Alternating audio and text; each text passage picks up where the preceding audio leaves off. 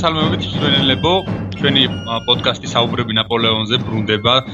საკმაოდ დიდი პაუზა გქონდა აღებული. ამასაც ძალიან ბევრი რამის ბრალი იყო. მოგესალმები ალექსანდრე.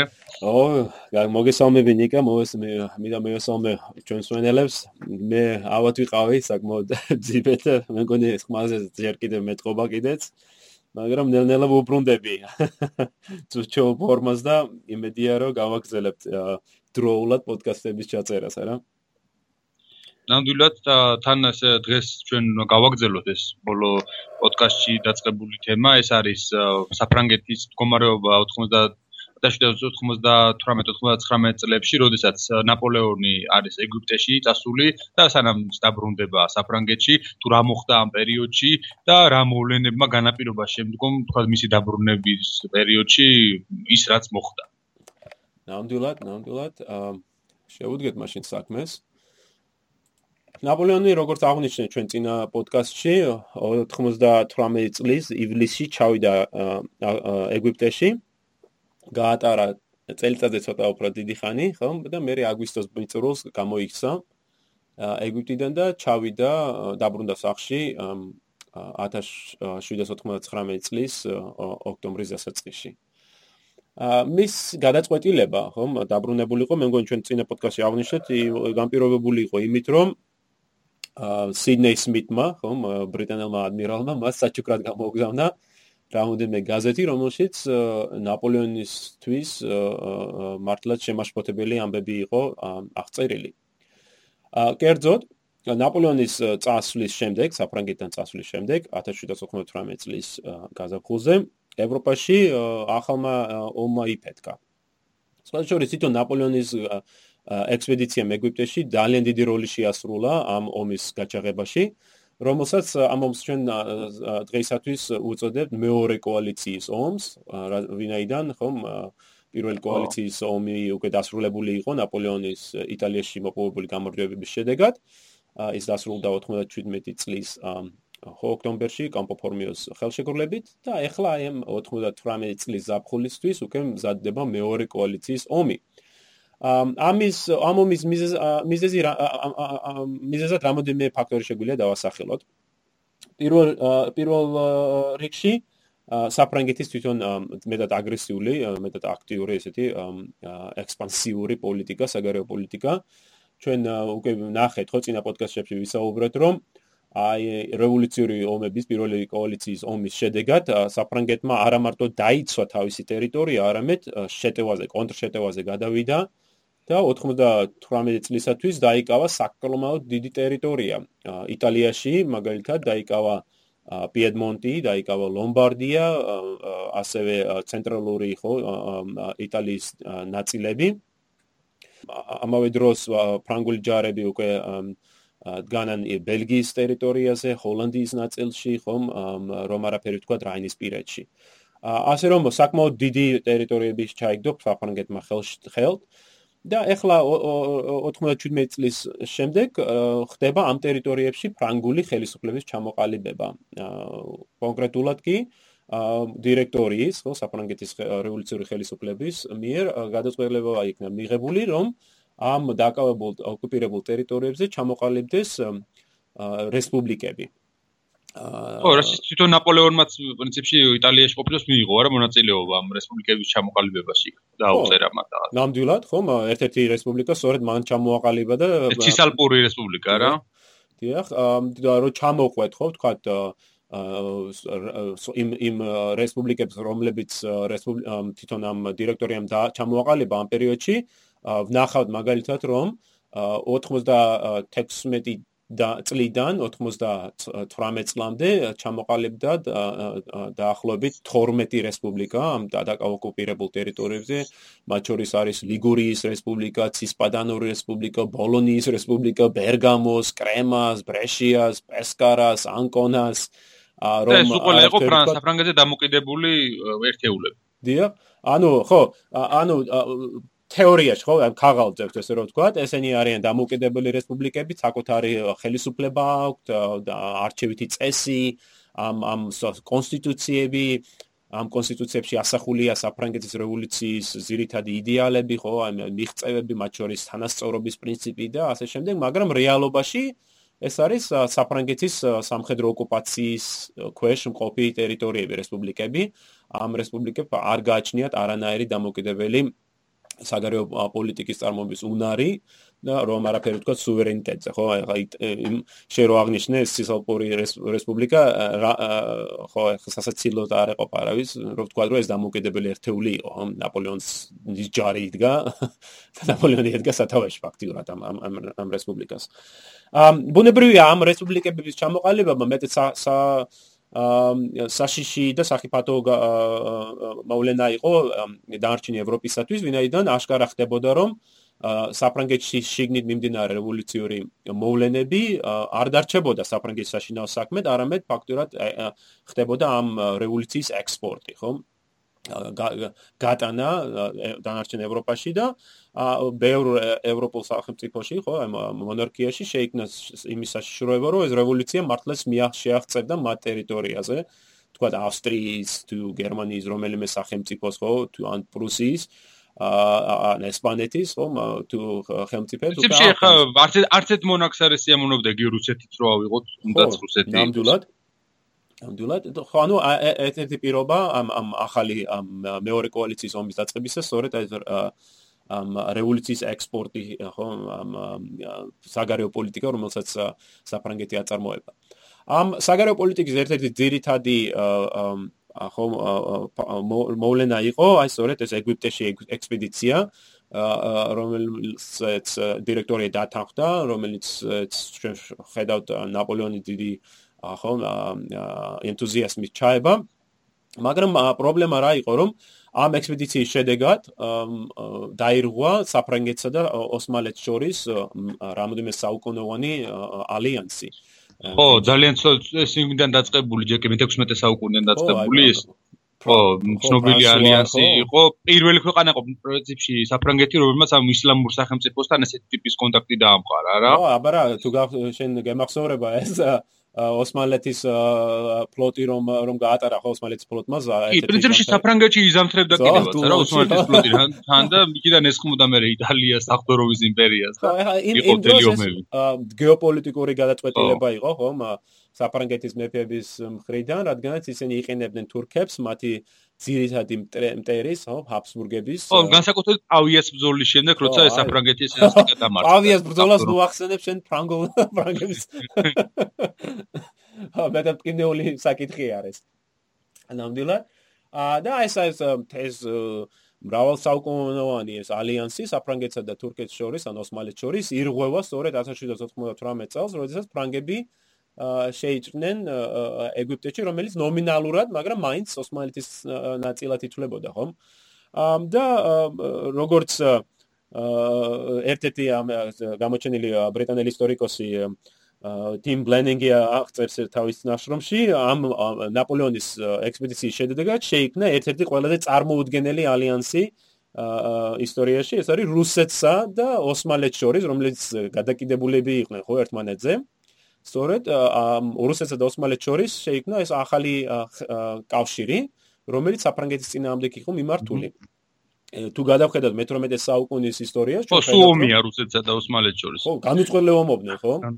პეტრე პეტრედან დაწყებული.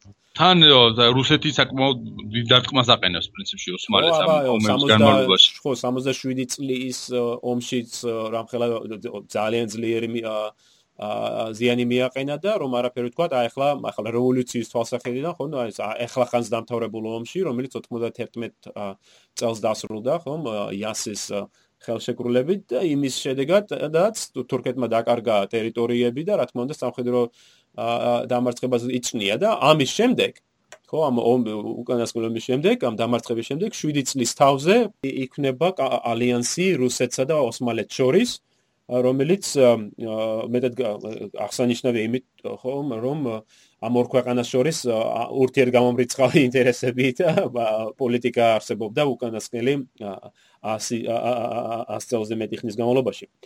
ამ კიდევ უფრო საინტერესო ისიც არის რომ ჩვენ აღნიშნეთ ეს წინა პოდკასტში რომ საფრანგეთის მიერ ეგვიპტეში ლაშქრობის შედეგად შეიქმნა საფრთხე ბრიტანულ ინდოეთში ბრიტანულ ინტერესებისათვის, ხო?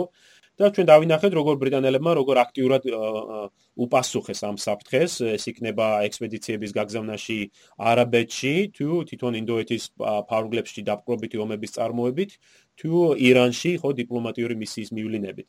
მაგრამ ამავე დროს ბრიტანეთმა გააქტიურა თავისი პოლიტიკა ევროპაში, სადაც ის ცდილობდა სწორედ ამ ახალი კოალიციის შექმნას, რომლის შედეგად ის შებოჭავდა საფრანგეთს. აა ეს ეს პოლიტიკა მეტად წარმატებული გამოდგა, სწორედ იმიტომ, რომ საფრანგეთის საგარეო პოლიტიკა შედეგად, აი რესპუბლიკების შექმნის გამო სხვა სახელმწიფოებიც მეტად შეშფოთებულები იყვნენ, ასე რომ ბრიტანელებს დიდი დიდი ხო ეს დარწმუნება არ დაჭირდათ ამ ამ მონარქიების, რათა გაერთიანებულიყვნენ ახალ კოალიციაში. და მართლაც საფხულისათვის, საფხულის მიწოროლს უფრო შემოდგომისათვის ჩვენ ხედავთ ამ მეორე კოალიციის ჩამოყალიბებას, რომელშიც შედიოდა ბრიტანეთი, ავსტრია, რუსეთი, ოსმალეთი, ნეაპოლი და პორტუგალია, ესპანეთი და პრუსია არ მათ აირჩიეს რომ ნეიტრალური დაჩინილიყვნენ ამ ამ მეორე კოალიციაში. ხო, თუმცა შევიდა პრინციპში მაინც საკმაოდ დიდი ძალა იყო რა ბრიტანეთი, ავსტრია, თურქეთის, ნეაპოლის სამეფოც იყო შესული და პრინციპში თან ერთი თითქმის ერთი მიმართულებაზე იყო ძირითადი დარტყმა რა განკუთვნილი იტალიის მიმართულებაზე და პრინციპში მეორეც გეგმებოდა გონი რუსეთისა და ინგლისის ჯარებნო გადმოესხათ ბელგიაში რა როგორც მოხდა შემდგომში კიდევ ზოგადად ესე სამ უფრო ვიტყვით რომ უფრო სამი მიმართულებით ხდება ეს შეტევა. პირველი არის რაინის პირეთში, ხო, სადაც ავსტრიას ხო, სადაც მუდმივად არის ხოლმე ყოველ სადაც პირველი კოალიცია და მეორე. იქ ძირითადად იყო ავსტრიული ჯარები, და რამოდენიმე გერმანული სახელმწიფოს ჯარები მათთან ერთად. მეორე მიმართულება არის შენ როგორც ახსენე ავსტრია, ის იტალიაში, სადაც ჩვენ ხედავთ გაერთიანებულ ჯარს ავსტრიულსა და რუსულს და ამ რუსულ საექსპედიციო კორპუსს რა თქმა უნდა ხელმძღვანელობს ახალგათმული გენერალისიმუსი ხომ რომ სხვა შორის ახლა მე ალექსანდრე სუვოროვი. ალექსანდრე სუვოროვი. და მესამე ძირითად მიმართულება იყო ჰოლანდიაში, ბელგიაში იმდენად არა, ჰოლანდიაში. იქ ჩვენ ხედავთ ბრიტანულ და რუსულ ექსპედიციას, ერთობლივ ექსპედიციას, რომლის მიზანი იყო, ხომ გადმომცდარიყო ჰოლანდიის სანაპიროზე, ბერგენთან და მე ბერგენიდან ჩასულიყო ჰოლანდიაში ჯერ დაეწყო ამბოხება შეხელი შეეწყო ამბოხებისათვის და შემდეგ ამ ჰოლანდიიდან ჩასულიყო ბელგიაში და ბელგიის გავლით მე ჩრდილო საფრანგეთისთვის შეექმნა საფრთხე. ეს მართლა გრანდიოზული გეგმა არის და აი სწორედ ამ ამ ამ გეგმის გრანდიოზობაში იყო სწორედ ამ ერთ-ერთი ყველა ძირითადი სისუსტე რა სისუსტე დიახ იმიტომ რომ ძალიან რთული იქნებოდა ამ ხელა გეგმის კოორდინაცია მართლაც რომ ამ ევროპის მასშტაბით ხო? და რეალობაში ჩვენ ხედავთ ამას. პირველი დარტყმა ხდება ავსტრო-რუსული ხო ჯარების მიერ იტალიაში. აქ სამხედრო მოქმედებები იწყება აპრილში 99 წლის აპრილში. და სუვოროვმა მართლაც ბრწყინვალე კამპანია ჩაატარა. მე ო ნამდვილად ისე პრინციპში ფრანგებს ისე შეიძლება აღინიშნოს რომ მგონი რაც ამ პირველი კოალიციის განმავლობაში აქ რაც ჯარები ყოლით იტალიაში ყველაზე მცირე რიცხოვანი კონტინგენტი ამ მომენტში ყავდა ზუსტად როდესაც მოკავშირეები შეიჭრა. რატო იქნება ახლა რა იცი ახლა ნაპოლეონზე ცოტა ხო არ ყავდა. ხო ნაპოლეონზე ცოტა არ არ ყოლიათ, მაგრამ მოკავშირეებთან შედარებით საკმაოდ ესეთი ეგ უკვე ფრანგების პრობლემა არის ჩემო კარგო. ხო ნამდვილად და თანაც ისიც გავითვალისწინოთ რომ მას ხა ნაპოლეონისნაირი ხედამთავარი ნამდვილად არ ყოლიათ ამ ბრონზე, თუმცა კი საკმაოდ კარგი გენერლები მოქმედებდნენ, იგივე მორო მათ შორის ბარტელემი ჟუბერი, ეტიენ მაკდონალდი და ნუ განსაკუთრებით ყველაზე მნიშვნელოვანი რომელიც გამოდგა ამ ომში ის იყო ანდრე მასენა რომელიც ამ დროს შვეიცარიაში იყო და ბანაკები. ხო, მართალი ხარ, ახლა აი მე სხვა შეიძლება აი აღსანიშნავია შენ კარგია რომ ეს აღნიშნე რომ ნაპოლეონის თქვა სამხედრო ნიჭი თავისი თაობის სხვა სხვა ფრანგ ჰედერთავთან შედარებით ხო? და ალბათ ეს 99 წლის კამპანია ცხადყოფს ამას მასენა მართლა კარგად იბრძოლა, ჩვენ ვიცით ხომ? აა შვეიცარიაში გამარჯვება პრინციპში ერთ-ერთი გარდამტეხი მომენტიც იყო ამ მომში. ნამდვილად, ხო, აი მასენას გამარჯვება რომ არა, სავსებით დასაშვებია რომ ხო ავსტრიელები და რუსები შეიჭრნენ შეი საფრანგეთში სულიყო რა, ნამდვილად. აა იტალიაში კი აღსანიშნავია ხომ რომ სუვოროვმა აპრილში დაიწყო სამხედრო მოქმედებები ზაფხულში ხო მან მოიპოვა გადამწყვეტი გამარჯვება ტრებიაზე სადაც ჩვენი ძველი მეგობარი ხო ჰანიბალი იბრძოდა რამდენი წლის თითქმის 1900 წლის წინ ხო მამ დროისაც კი ძველი მესამე საუკუნეში და საკმაოდ დიდი ძუგა და სხვადასხვა არანაკლები სიძნელეები შეხვდა სუვოროვსაც ალპების გადალახვის დროს. ხო ნამდვილად ხო. უმეტია რა არანაკლები ხერხლი მიიღო მანაც და პრინციპში რუსეთის არმია ამ მომში ალპებმა რო დააზარალა, მასე არ დააზარალებულა თვითონ აი ფრანგულ არმიასთან შეტაკებაში გონი იტალიაში. ნამდვილად, აი ტრებიეს ბრძოლა იმით არის საინტერესო, რომ სამდღიანი ბრძოლა არის და ამ შედეგად სუვოროვმა დაამარცხა იტალიაში განლაგებული თითქმის მთელი ფრანგული ჯარი, სხვა შორის ტრებიასთან საბრძოლველად. ფრანგებმა გაიწვიეს მაკდონალდის მთელი ჯარი ნეაპოლიდან, ანუ მეატოეს მთელი სამხრეთ საფრანგეთი. ცენტრალური და სამხრეთ ისე ცენტრალური და სამხრეთ იტალია უბრალოდ და ამ ტრებიასთან გამარჯვების შემდეგ სწორედ ამ მოკავშირეებს უვარდებათ ეს თელი ტერიტორია. და შემდეგ უკვე აგვისტოში ხომ ხდება კიდევ ერთი გადამწყვეტი ბრძოლა ნოვისთან. სადაც სუვორომა კვლავ სასტიკად დაამარცხა ფრანგები საცუდავი ჟუბერი ხომ ახლა ბრძოლაში. ბატონო ა პირველ თითქმის პირველ შეტაკებაში დაიღუპა. პირველ აუ პირველივე გასროლაზე საცურა. გასროლაზე ხო. გავარდა ფრონტის ხაზზე, მოხდა ტყვია თავში და მოკდა, ხო? აა და ამ ზოვისთან დამარცხების შედეგად ფაქტურად იტალიამ ფრანგებმა დაკარგეს მთელი იტალია.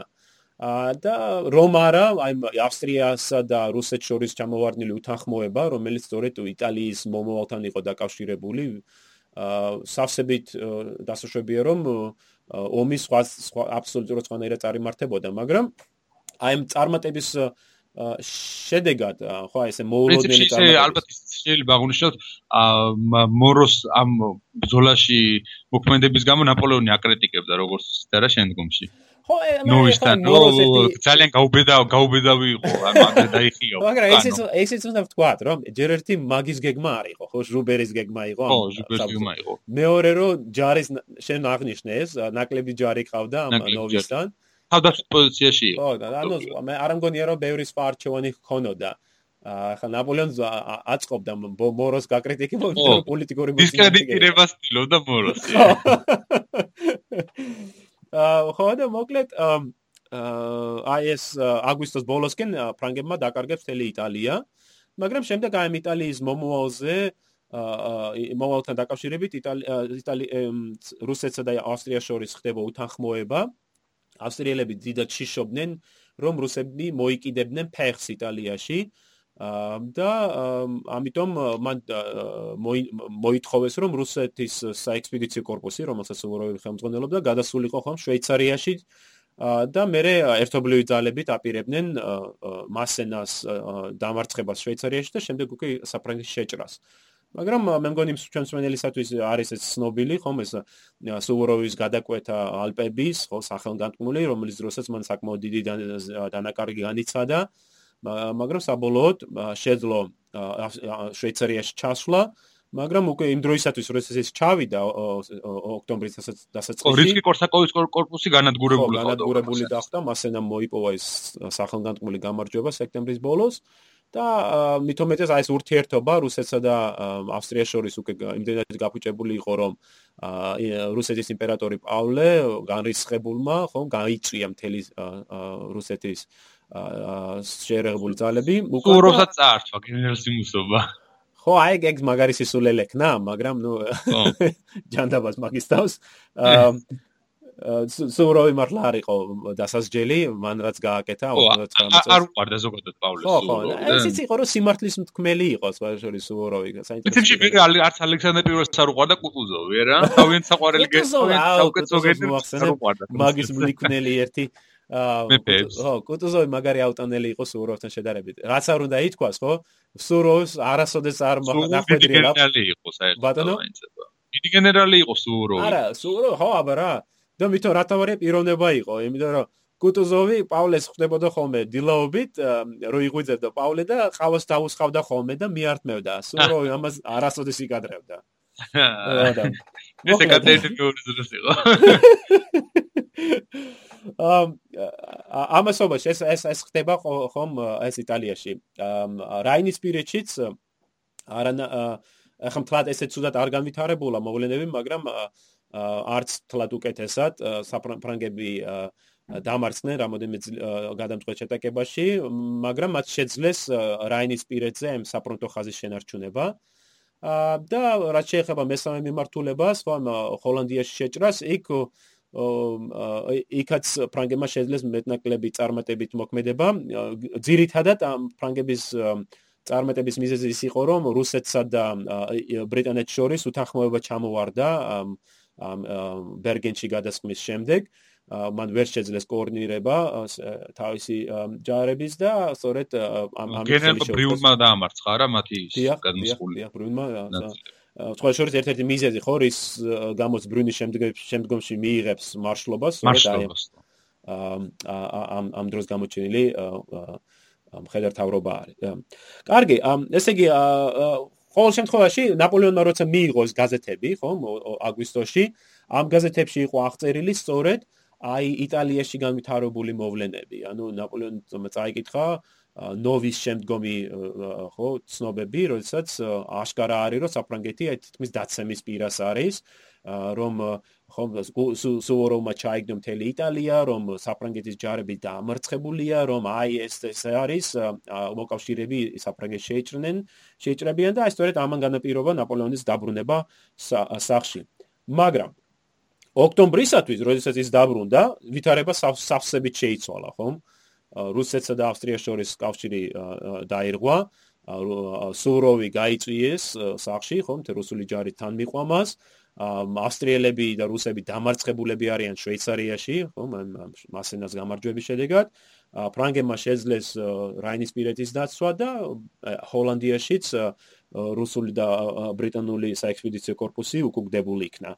ანუ ფაქტურად ნაპოლეონის მიზ აი განმარტება რომ ან ეს მიზეზი რატო დაბრუნდა რომ აი უნდა ვიხსნა მე სამშობლო უკვე ბათილად იქცა და როცა ჩავიდა ნაპოლეონი საფრანგეთში ბუნებრივია მას სავსებით ემოკრებოდა ეს საფრთხე რომ დეზერტირად ჩაითვლებოდა ვინაიდან მან მიატოვა ჯარი და დაბრუნდა სახში აა მithumedes იმ პირობებში როდესაც არანაირი სამხედრო საფრთხე საფრანგეთს აღარ ემუქრებოდა. აა ამიტომ ნაპოლეონს გაუმართლა, ძალიან გაუმართლა, რომ პირველი შეხვედრა, რომელიც მან გამართა ერთ მერთან, მან შეიტყო, რომ თურმე აა საფრანგეთის ხელისუფლებას გაუგზავნია მოთხოვნა, ბრძანება ნაპოლეონისათვის, რომ დაბრუნებულიყო. ეს ბრძანება ნაპოლეონს არ მიუღია, ხო? ბრიტანელებს ჩაუვარდათ ის ხელში, მაგრამ ამ ეხლა უკვე მან რადგან შეიტყო რომ ეს ბრძანება არსებობს, მას მიეცა საბაბი რომ ეთქვა რომ მე თქვენი მოთხოვნით დავბრუნდი უკან, ანუ დეზერტირობას ვეღარ წაუყენებდნენ ბრალად. ანუ ეს მნიშვნელოვანი გარემოება არა გარკვეული რომ ხო ეს ეს გაუმართლა ნაპოლეონს. ნაპოლეონ ჩავიდა პარიში, ხო, ოქტომბრის მიწურულს უკვე პარიში არის და მას აქ მეტად რთული ვითარება ხვდება. პარიში ჩვენ დავინახეთ ბოლო უკანასკნელი რამოდენიმე წლის განმავლობაში საკმაოდ პოლიტიკურად დაძაბული ვითარება არის დირექტორია არავის არ ეხატება გულზე არც მემარჯვენე ხო როელისტურად განწყობილ პოლიტიკურ დაჯგუფებებს და არც მემარცხენე უფრო იაკობინურად ხო უფრო რადიკალურად განწყობილ რევოლუციონერებს თქვით, მე მგონი ჩვენ ვისაუბრეთ ხომ ნიკა იმაზე რომ 97 წელს ხომ ამბოხებაც კი იყო პარიში და ნაპოლეონმა იხსნა ეს ხელისუფლება, როდესაც მან გაგზავნა ოჟერო, ხომ? ოჟერო. ხო, მეტად საინტერესო თვითონ მოვლენა იყო, ჩვენ მე მგონი ვისაუბრეთ ამაზე. კი, კი, ვილაპარაკე. და ნაპოლეონი ახლა გასული რო იყო, ხომ? ეგვიპტეში ვითარება კიდევ უფრო უარეს გაუარესდა ომის ომის განმავლობაში ომის დროს როდესაც საფრანგებმა განიცადეს ეს განუწყვეტლი დამარცხებები დირექტორიამ საჭირო ჩათვალა რომ დაბრუნება განიახლებინა ზოგიერთი ის რადიკალური კანონი თუ ხო რეფორმა რომელიც იაკობინელებმა ჩაატარეს ტერორის ხო რადიკალიზმის ზეობის დროს მათ შორის იყო ახალი სამხედრო გაწვევა ჩვენ მე მგონი აღნიშნეთ ლევეიანმას ხო ეს მასიური კონსკრიფცია რომელიც იაკობინელებმა წამოიწყეს 93 წელს ის კვლავ განახდა 98 წელს ამჯერად მას ჟურდანის კანონი ეწოდა რომელმაც დააწესა ხო სამხედრო ვალდებულება ყველა ფრანგ მამაკაცზე 20-დან 25 წლამდე და ამ ამის შედეგად ყველა შორის 250000-მდე ადამიანი გაიწვიეს ჯარში და გარკვეულწილად ფრანგების წარმატება სწორედ ამ განაპირობა. მაგრამ რა არის საინტერესო რომ აი ამ რადიკალიზმ ამ ამ ამ ომმა შეუწყო ხელი რადიკალიზმის გაღვივებას. და როდესაც ჩატარდა ახალი არჩევნები 98 წელს 98-19 წლებში იაკობინელებმა სხვა შორის მოიპოვეს საკმაოდ ბევრი ხმა. ამიტომ შეიქმნა იმის საფრთხე რომ მართლაც საფრანგეთში დაბრუნდებოდა იაკობინელთა დიქტატურა. ამის გამო 99 წელს ივნისში 18 ივნის ეგრეთ წოდებულ 30 პრერიალის წმენდაში. ხება ეს პოლიტიკური შიდა დაპირისპირება თვითონ ხელისუფლებას შორის. არის ზომიერები არიან ხო რადიკალურად განწყობილები არიან მემარჯვენეები და აი ამ სამ დიდ დაჯგუფებას შორის ხდება სწორედ ეს ურთიერთბრძოლა ამ სწორედ ამ მომენტში დირექტორიაში რომელიც შედგებოდა ხუთი კაცისგან ხო ხუთის ეს ეს ერთობლივი საბჭო იყო ამ დირექტორიაში აირჩიეს ახალი წევრი რომლის სახელი იყო იმანუელ CS-ი, ხო? CS-ი ძალიან საინტერესო რევოლუციური ხო ეს რევოლუციონერია, საინტერესო პიროვნება მას თხუნელას უძახდნენ ხო? იმიტომ რომ პრინციპში ამ რევოლუციის წლებში თავიდან რომ დაიწყო იმის მერე სანამ ეს იცვლებოდა მთავრობები არ ჩანდა არა მაგრამ მარტო ერთის გამოუშვა ბროშურა რაღაც რა არის მესამე წოდება? ხო აი რა არის მართლაც რევოლუციის დასაწყისში მან ძალიან დიდი როლი ითამაშა ამ ბროშურით ხო? ეს რა არის მესამე წოდება ყველაფერი ხო? და მე რას წარმოადგენს ამჟამად არაფერს და რა უნდა მას რომ იყოს რაიმე ხო ეს ეს ცნობილი პოსტულატი რომელიც მან ჩამოაყალიბა ამ პამფლეტში. მან სხვა შეიძლება მართლაც 89 89 წელს ხო ამ რევოლუციის დაწყებამდე მან ძალიან დიდი როლი შეასრულა ამ რევოლუციური სულისკვეთების ჩამოყალიბებაში. მაგრამ შემდეგ უკვე აი ტერორი ტერორისტს რომ მიუახლოვდებით, მაგრამ თხუნელასავი ჩაძრა. აა, ჩაძრა. და მე ხო კითხეს, რასაკეთებდიო ამ დროსო? რასაკეთებდიო დროსო? ცოცხლად რჩებოდიო რობასო რა? აა, ცოცხლად კი დარჩა ხო? რობის პერინელა და სხვაებიც. აი, ახლა თხუნელა ამოძრა უკან 99 წელს. აა და აა მას CS ვიცი ნაპოლეონის მოინელა არა მე ახლა მონელებას გააჩნია. მონელებას გააჩნია რა. აი და დიდი ხანი იწოცხლა 1836 წელს მოყდა. კი, კი, კი. მაგ მაგ პრო კი, მაგ ამ CSI მიეკუთვნებოდა ამ უფრო ზომიერ ფრთას ამ ამ რევოლუციონერებისას და მას წამდა რომ რევოლუცია მე ძალიან შორს შეტობა ხო რევოლუციამ და საჭირო იყო მისი აი ესე შეკავება და ზოგიერთი რევოლუციური ამ რადიკალური ექსცესის ხომ ზედმეტობის შეკვეცა. და აი 99 წლის ზაფხულში სწორედ არის, რომელიც ნელ-ნელა აყალიბებს იმ პირთა ჯგუფს, რომელსაც სწამს, რომ საჭირო არის კონსტიტუციური, ხო ეს კონსტიტუციური წყობილების შეცვლა. ისინი თავის თავს ხო შორის უწოდებენ კონსტიტუციონალისტებს, თუმცა საინტერესო არის ეს კონსტიტუციონალები, რომელიც კონსტიტუციის დამხობას ცდილობენ, ხო? CS-ის გეგმა მდგომარეობდა იმაში, რომ მას სურდა შეექმნა ისეთი სახელმწიფო ორგანო, რომელიც ხელშიც მოეყიდა თავისუფალი ძალაუფლება და ეს სამი კაცი, სამკაციანი კომიტეტი, როგორც დაახლოებით დირექტორი იყო ხუთ კაცისგან შემდგარი ეს სამკაციან კომიტეტს უფრო მეტი ძალაუფლება ექნებოდა ფაქტობრივად. მათ შორის აუცილებლად მოყოფილიყო ერთი სამხედრო პირი, რომელსაც ექნებოდა დიდი პრესტიჟი არმიაში და რასაკვირველია გაამაგრებდა ძალიან ასეთ ხელისუფლების საფუძველს. ოჟერომ ხო აჩვენა ხა ოჟეროს მიერ ამბოხების ჩახშობის შემდეგ ჩვენ დავინახეთ რამდენად გაიზარდა სამხედრო როლი ხო აი ამ პოლიტიკურ პროცესებში და სიესი ხვდება რომ მას ჭირდება გენერალი რომ მან ცნობილია რომ თქვა რომ მას ჭირდება დაშნა ხო ხმალი ხო რომლითაც ის ის ახალ წყობილებას ჩამოყალიბებს. ანუ თუ სამხედრო ხარდაჭერა მას არ ეკნებოდა ის ვერანაირ წარმატებას ვერ მიაღწევდა და სწორედ ან ხა ვინ უნდა ვინ უნდა მოეძებნა ხა ჰოში ცოცხალი აღარ იყო რომელიც ამ დროს გავლენა ქონდა ჟუბერი ბზოლაში დაიღუპა. ხო ნუ ეს ოჟერო ნაკლებად გამოდგებოდა საიმისო თუნდაც იმიტომ რომ ეს სხვა ყაიდის კაცი იყო და CS-ი მასთან ნამდვილად ვერ ხო ოჟერო და ბერნადოტი ორივე ინტრიგანი იყო და და თანაც არც ეს არ ქონდა ისეთი გავლენა არმიაში როგორც ნაპოლეონს. ხო. აა მე მგონი ყველაზე გავლენიანი ამ დროისათვის იქნებოდა მორო გენერალი მორო მაგრამ მოროც აი ესეთ რაღაცა უფრო ორაზროვან პოზიციას იკავებდა რა მას ორო ძალიან რაღაცა ნიჰილისტურ შტაბეჭდილებას თოვებს არა დისკოს რაღაც ხო აი მე ცდილობს რომ შეხედო საიტგენ დაუბერავს ქარი ხო და მე იმის და მიხედვით მოიმოქმედო ზან ზანტად მოქმედებს ზანტად კამპანიაშიც და ისეც. აა მოკლე სწორედ ამ დროს ხო აი როდესაც CS-ი ეძებს ამ ხმალს ბრუნდება ნაპოლეონი. სხვადასხვა შორის არის საინტერესო ცნობა რომ მოროსთან საუბრისა სწორედ ამ დროს CS-ი ეუბნება რომ აი მინდა რომ შენ ჩემი ხმალი იყო და ასე შემდეგ და ამ დროს მოდის ეს ცნობა ხო ნაპოლეონის დაბრუნებისას და მორო საბედისწეროდ ეუბნება CS რომ აგერ არის შენ ეს კაცი სწორედ სახელმწიფო გადატრიალებას ის ჩემზე უფრო უკეთ მოაწყობსო აა რაც მართლაც დიდი შეცდომა იყო მოროს მხრიდან რომ ამ ეს დაუშვა. აა და ეხლა რა ხდება? ერთის ხრივ CS-მა შეძლო ფინანსური წრეებიდან ხარდაჭერის მოპოვება.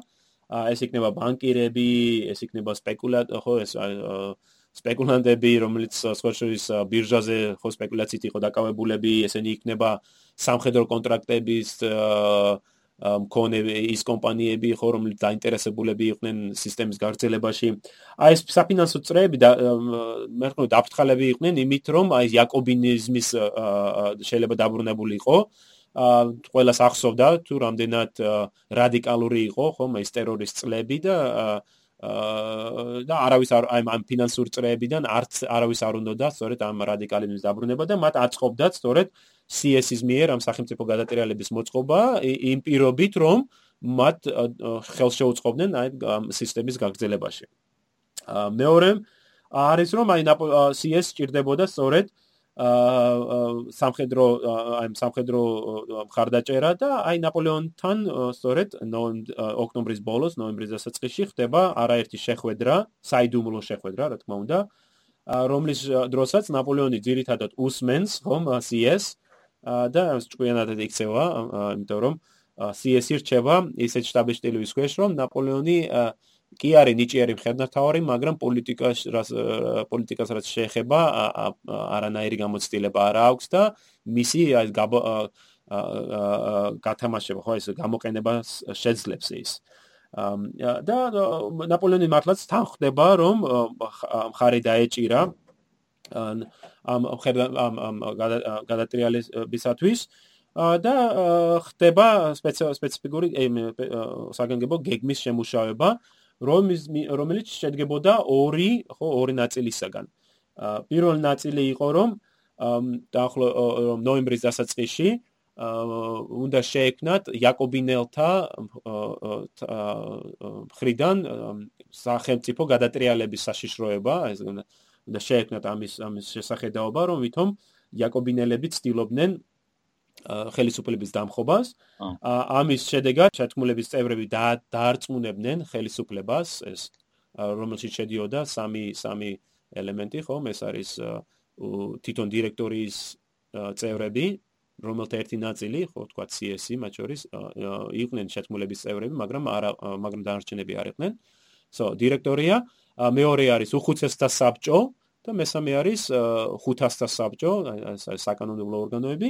ანუ აი ამ იაკობინელთა საფრთხის გამოყენებით შეთქმულების წევრები დაარწმუნებდნენ ხელისუფლებას, რომ ისინი უნდა წასულიყვნენ პარიზიდან, იქვე მდებარე სენ-კლუს სასახლეში, ხო?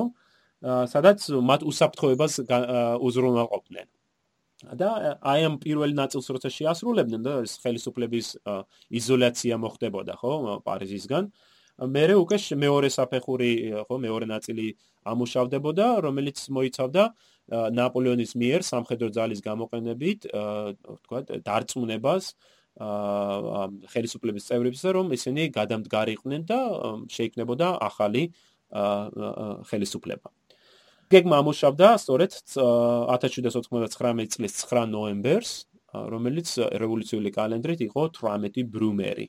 დილის დაახლოებით 7 საათზე უხუცესთა საბჭოს წევრებმა მეტ საგანგაშო ცნობა მიიღეს და მოაწყვეს სპეციალური სესია, რომელზედაც ზოგი რამოდენმე დეპუტატმა გამოაცხადა, რომ არსებობდა იაკობინელთა ამბოხების საშიშროება, რომ აი წუთი წუთზე იაკობინელები დაიწყებდნენ ამბოხებას. აა რა თქმა უნდა, იქ მყოფ ხო ამ უხუცესთა საბჭოს წევრებს კარგად ემახსოვრებოდა თუ რა იქნებოდა ეს სახალხო აჯანყება, მათ გამოვლილი ჰქონდათ ხო 92 წლის 10 აგვისტოს მოვლენები, მათ გამოვლილი ჰქონდა 15 წლის ხო ოქტომბრის მოვლენები, რომ არაფერი თქვა 16-17 წლის ამბოხებებზე. ანუ მართლაც თვითონ ცნობა ეს იქნებოდა ხო საგანგაშო მათთვის. საინტერესო რომ რამოდენმე დეპუტატმა ამ ჯობის დროს აწია ხელი და იკითხა თუ რამტკიცებულება ქონდათ იმის საამისოდ. და საპასუხოდ ვერანაირი სიძულება ვერ წარმოადგენს მხოლოდ ის რომ თქვენ რომ ჩვენ ვიცით რომ ეს ხდება საიმედო წყაროებიდან ხო ვიცით რომ ეს ხდება. და რომ საჭირო იყო დაუყოვნებლივ დაუყოვნებლივ ხელისუფლების ხო უსაფრთხოების უზრუნველყოფა. ერთ-ერთმა დეპუტატმა, რომელიც იყო შეთქმულების მონაწილე, მის სახელი არის რენიე, დაუყოვნებლივ შესთავაზა უხუცესთა საბჭოს კონსტიტუციის 102 მუხლის ამოქმედება, რომლის მიხედვით დებოდა სწორედ ამ საკანონმდებლო ორგანოების უხუცესთა საბჭოს და ხუთასთა საბჭოს გადაყვანა პარიზიდან უსაფრთხო ადგილას. ამ როდესაც დეპუტატმა მოითხოვეს რომ დეპატები გაემართა და განეხილათ ხომ ეს საკითხი რენიეს პასუხი იყო რომ ჩვენ ამის დრო არა გვაქვს. ეხლავე უნდა ვქნა თორე აი აი იაკობინელების შემოვლენა ამ სტო და აი მაი მასეთ საგანგებო პირობებში როდესაც ხო ეს შიში ზარის წემს ყველასგან ამ მართლაც უხუცესთა საბჭომ მიიღო გადაწყვეტილება აი მოქმედებინა ეს 102 მუხლი და გადაწყვიტეს რომ გადავიდოდა ხელისუფლება სენკლუში. სწორედ ამ გადაწყვეტილების ნაწილი იყო რომ ხელისუფლების დაცვის უზრუნველყოფის ხო უსაფრთხოების უზრუნველსაყოფად გენერალი ბონაპარტე დაინიშნებოდა შიდა ჯარების მხედართავრად და ხო უზრუნველყოფდა რომ სენკლუში გადაცული ეს ეს ხელისუფლება დაცული იქნებოდა დილის 11 საათზე ეხლა უკვე 500-თა საბჭო შეიკრიბა და მას აცნობეს რომ უხუთესთა საბჭოს გადაწყვეტილება რომ ხელისუფლება უნდა გადასულიყო სენკლუში. რა თქმა უნდა 500-თა საბჭოს წევრებიც დაინტერესდნენ თუ რამტკიცებულება არსებობდა საამისოდ, ხო, რა მიზეზით რა ხდებოდა. და მათ ვერ ვერან ვერ წარუდგინა მათ ეს ტკიცებულება რა ბუნებრივია ბევრ წევრ შორის ამ ეჭვი ხო დაბადა მაგრამ შეთქმულების მონაწილეთა საბედნიეროდ სწორედ 500 საბჭოს პრეზიდენტი იმ დღეს იყო ნაპოლეონის ძმა ლუსიენ ბონაპარტე და ლუსიენმა ძალიან ესე წარუძღვა შეხვედრას ისე რომ არ მისცა აი იმ დეპუტატებთან ეჭვი შექონდათ ამ იაკობინელ საფრთხეში იმ ამ დეპუტატებს არ მისცა საშუალება რომ გამოსულიყვნენ სიტყვით ამის ნაცვლად მან უცებ უყარა კენჭი ამ გადაწყვეტილებას და სწორედ 500 საბჭოს დიდი ნაწილიც გაშეშინებული ამ იაკობინელთა საფრთხით ხარი დაუჭირა იაცენკლუში გადასვლას. და ასე რომ 18 ბრუმერის შუა დღისათვის ხდება ამ უხუცესა და ხუთასა საბჭოს გადასვლა სენკლუში, ხოლო ბონაპარტმა მიიღო ეს ხელის შიდა ზარების მხედართავრობა. ანუ პირველი დღე წარმოტებული გამოდგმა შეთმულეთების წევრებისათვის, ვინაიდან მათ მიაღწიეს თავის მიზანს. ხელისუფლება დატოვა პარიზი, გადავიდა ამ სასახლეში და იქ ფაქტურად ნაპოლეონის კონტროლის ქვეშ აღმოჩნდა.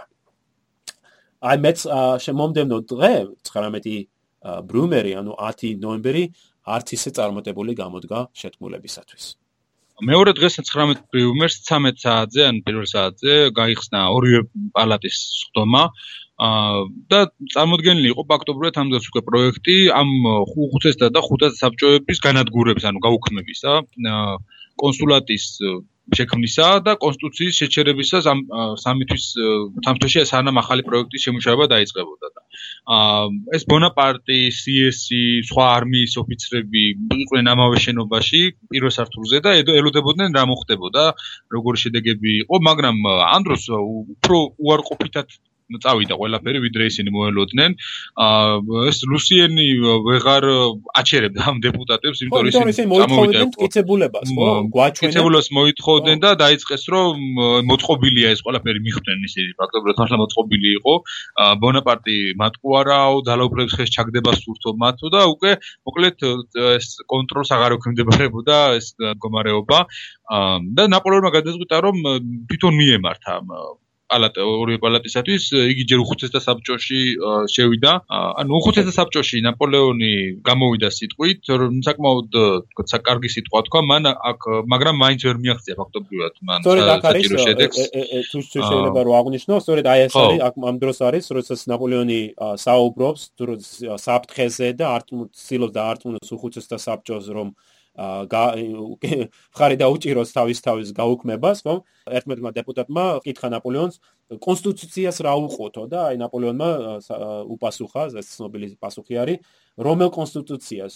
იმ კონსტიტუცია თქვენ რომ გაანადგურეთ? ის კონსტიტუცია თქვენ რომ დაარღვიეთ 18 ფრუქტი დორს? ის კონსტიტუცია თქვენ რომ დაარღვიეთ 22 ფლორიალს? ის კონსტიტუცია თქვენ რომ დაარღვიეთ 30 პრერიალს? არო ის აღარ აინტერესებს ეს კონსტიტუციაო. და აი ამ სიტყვის შემდეგ ნაპოლეონი გამოდის ამ შეხვედრიდან და ამ ხუთსა საბჭოდან და მიდის ხუთსა ხუთასთა საბჭოში.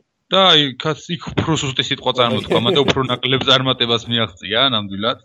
აა უკვე ეს ფაქტობრივად ის იყო რა ქვია, რომ შეშთანამ შევიდოდა ამ დარბაზში ამდენიმე გრენადერი და ოჟერო ახდა მას თავს როგორც ვიცით და შევიდა თუ არა დარბაზში ნაპოლეონი ეს დეპუტატები ერთხმად დაესივნენ მას და ახლა იმიტომ რომ სხვა შორის მან დაარღვია წესი. ჯერ ერთი არ არ ქონდა მის საბაბი რომ შესულიყო და არ შეეძლო შესულიყო ხუთასთა საბჭოს შეხვედრაზე თუ მას არ მოიწევდნენ და როც მოეწვიათ მარტო უნდა გამოჩენილიყო არა არა ჯარისკაცებთან ერთად და აი სწორედ ამიტომ არის ეს აღშფოთება რა. ნაპოლეონი კი რაღაც თუდად გახდა ისე დაესივნენ ეს დეპუტატები დაიწყესო ძირს მოღალატე ძირს ტირანი აა ხო ერთი ისეც არის რომ შენ უკვე გავრცელდა გავრცელეს ნამდვილი ამბავი ნაკლებად არის ალბათ რომ თვითონ მოსაკლავათაც. ხო ეგ ეგ ეგ ტიპიური ბონაპარტისტული პროპაგანდა ბონაპარტისტული პროპაგანდა ნამდვილად. ხო რომ იმითი ხანჯლებით ხელშიო დაესივნენ და ცდილობდნენ მოეკლათო რა თქმა უნდა არის ამ ამ ორთაბრძოლასავით ხო ის შეხლა შემოხლა მოხდა და ამ შეხლა შემოხლაში ვიღაცა მოარტყა კიდევაც ნაპოლეონის სახეში და ვიცით რომ სახეზე სისხლი მოძდიოდა ხო ეს ვიცით ჩვენ რომ მოხდა. მაგრამ მოკლას ნამდვილად არ არის მოკლა ხო ნამდვილად არ უცდიათ. აა ხო ნაპოლეონი გამოვიდა აქედან და მოკლედ ისე წავიდა სიტუაცია რომ საკმაოდ ისე იყვნენ უკვე. თითქოს და ჩაიშალა მათი ჩანაფიქრი ესე ასე თვალით შეხედეს თავდაპირველად. მაგრამ უკვე ახლა დადგა ის ჯერი სწორედ რამაც ეს მოუტანა მათ წარმატება თავარი წარმატება.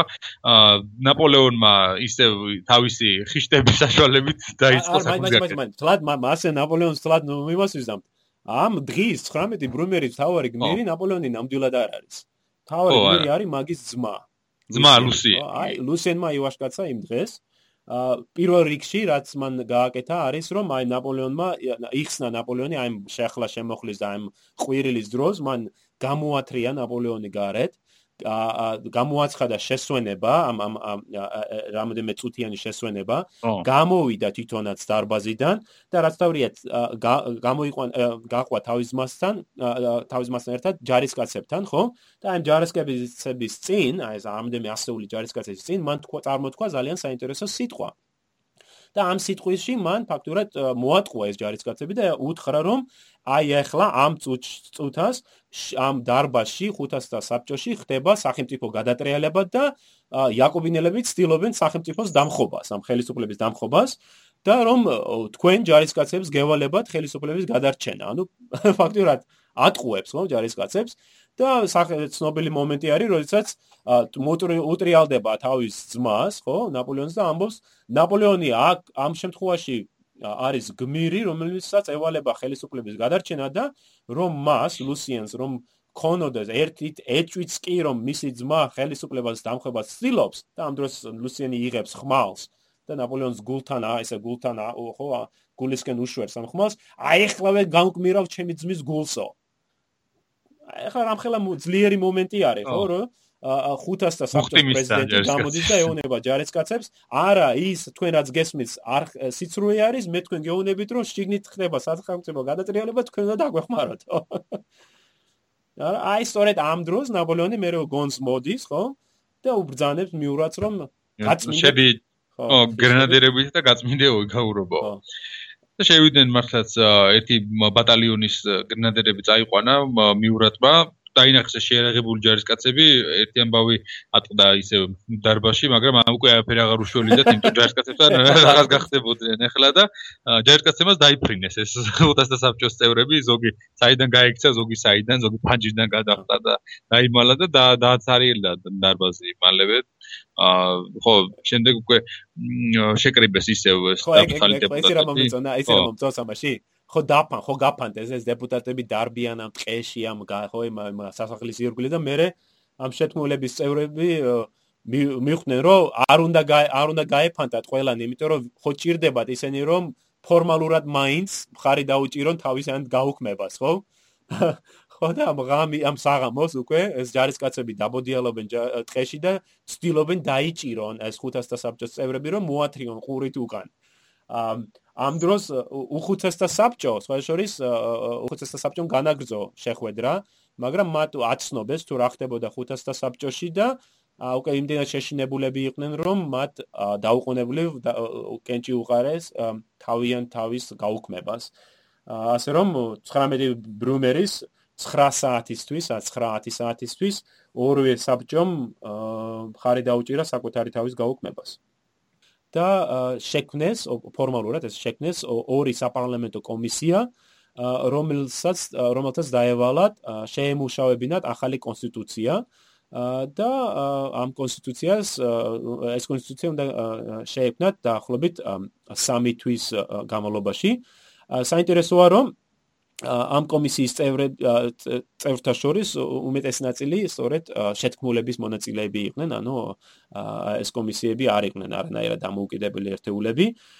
და ამ ამ ამ კომისიების ხო ამ კომისიების გადაწყვეტილებით ცოტა ხანში შეიქმნება სწორედ აი ეს ტრიუმვირატი ხო სამკაციანი უმაღლესი უმაღლესი ორგანო რომელშიც შევლენ შევა როგორც ნაპოლეონი ასევე CS-ი. ამრიგად ამ 9-10 ნოემბრის, ანუ 18-19 ბრუმერის შედეგად ხდება კანონიერი ხელისუფლების დამხობა და აი სწორედ აი ეს ახალი ხელისუფლების დამყარება. ბუნებრივი ახალ ხელისუფლებას ჭირდებოდა თავის თავის გამართლება, ხო, თავის კანონიერების დამტკიცება. და დაუყოვნებლივ იმავე ღამესვე სწორედ ხდება პროკლამაციის შედგენა, რომელშიც ნაპოლეონიც მიიღებს მონაწილეობას. და ეს პროკლამაცია მეორე ვრცელდება პარიზში და სხვა ძირითად ქალაქებში მომდევნო დღეს 20 ბრუმერს. და ამ ამ პროკლამაციის მიხედვით ეს ახალი ხელისუფლება აცხადებდა, რომ წინა ხელისუფლება იყო სუსტი, ის იყო კორუმპირებული, ის ვერ უკრავდებოდა საფრანგეთის წინაშე მდგარ პრობლემებს და ამიტომ საჭირო იყო სწორედ აი ეს ახალი, უფრო მტკიცე, უფრო ძლიერი ხელისუფლება, რომელიც დაიცავდა რევოლუციურ მიღწევებს და საფრანგეთისათვის ახალ ხო ეს ნათელ მომავალს უზრუნველყოფდა. ეს პროპაგანდა ხო მე გარკვეულწილად წარმატებული გამოდგა. იმიტომ რომ ამ დროისათვის უკვე საფრანგეთის მოსახლეობის დიდი ნაწილი, მით უმეტეს პარიზის დიდი ნაწილი მართლაც დაღლილი არის აი ამ განუწყვეტლივ რევოლუციური ორონტრიალით.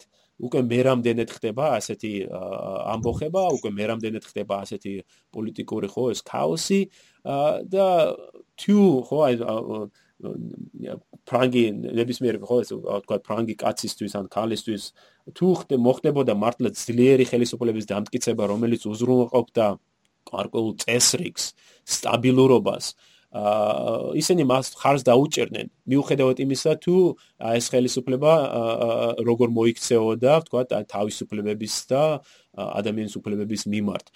ვიცით რომ ეს ახალი ხელისუფლება ერთ-ერთი პირველი გადაწყვეტილება იყო სწორედ ამ თავისუფლებების შეკვეცა ხო? თქვა ჟურნალ გაზეთების დახურვა და პოლიტიკური პოლიტიკურად აქტიური ხო აქტივი აი ამ პირების დაკავება და იზოლირება საზოგადოებისაგან.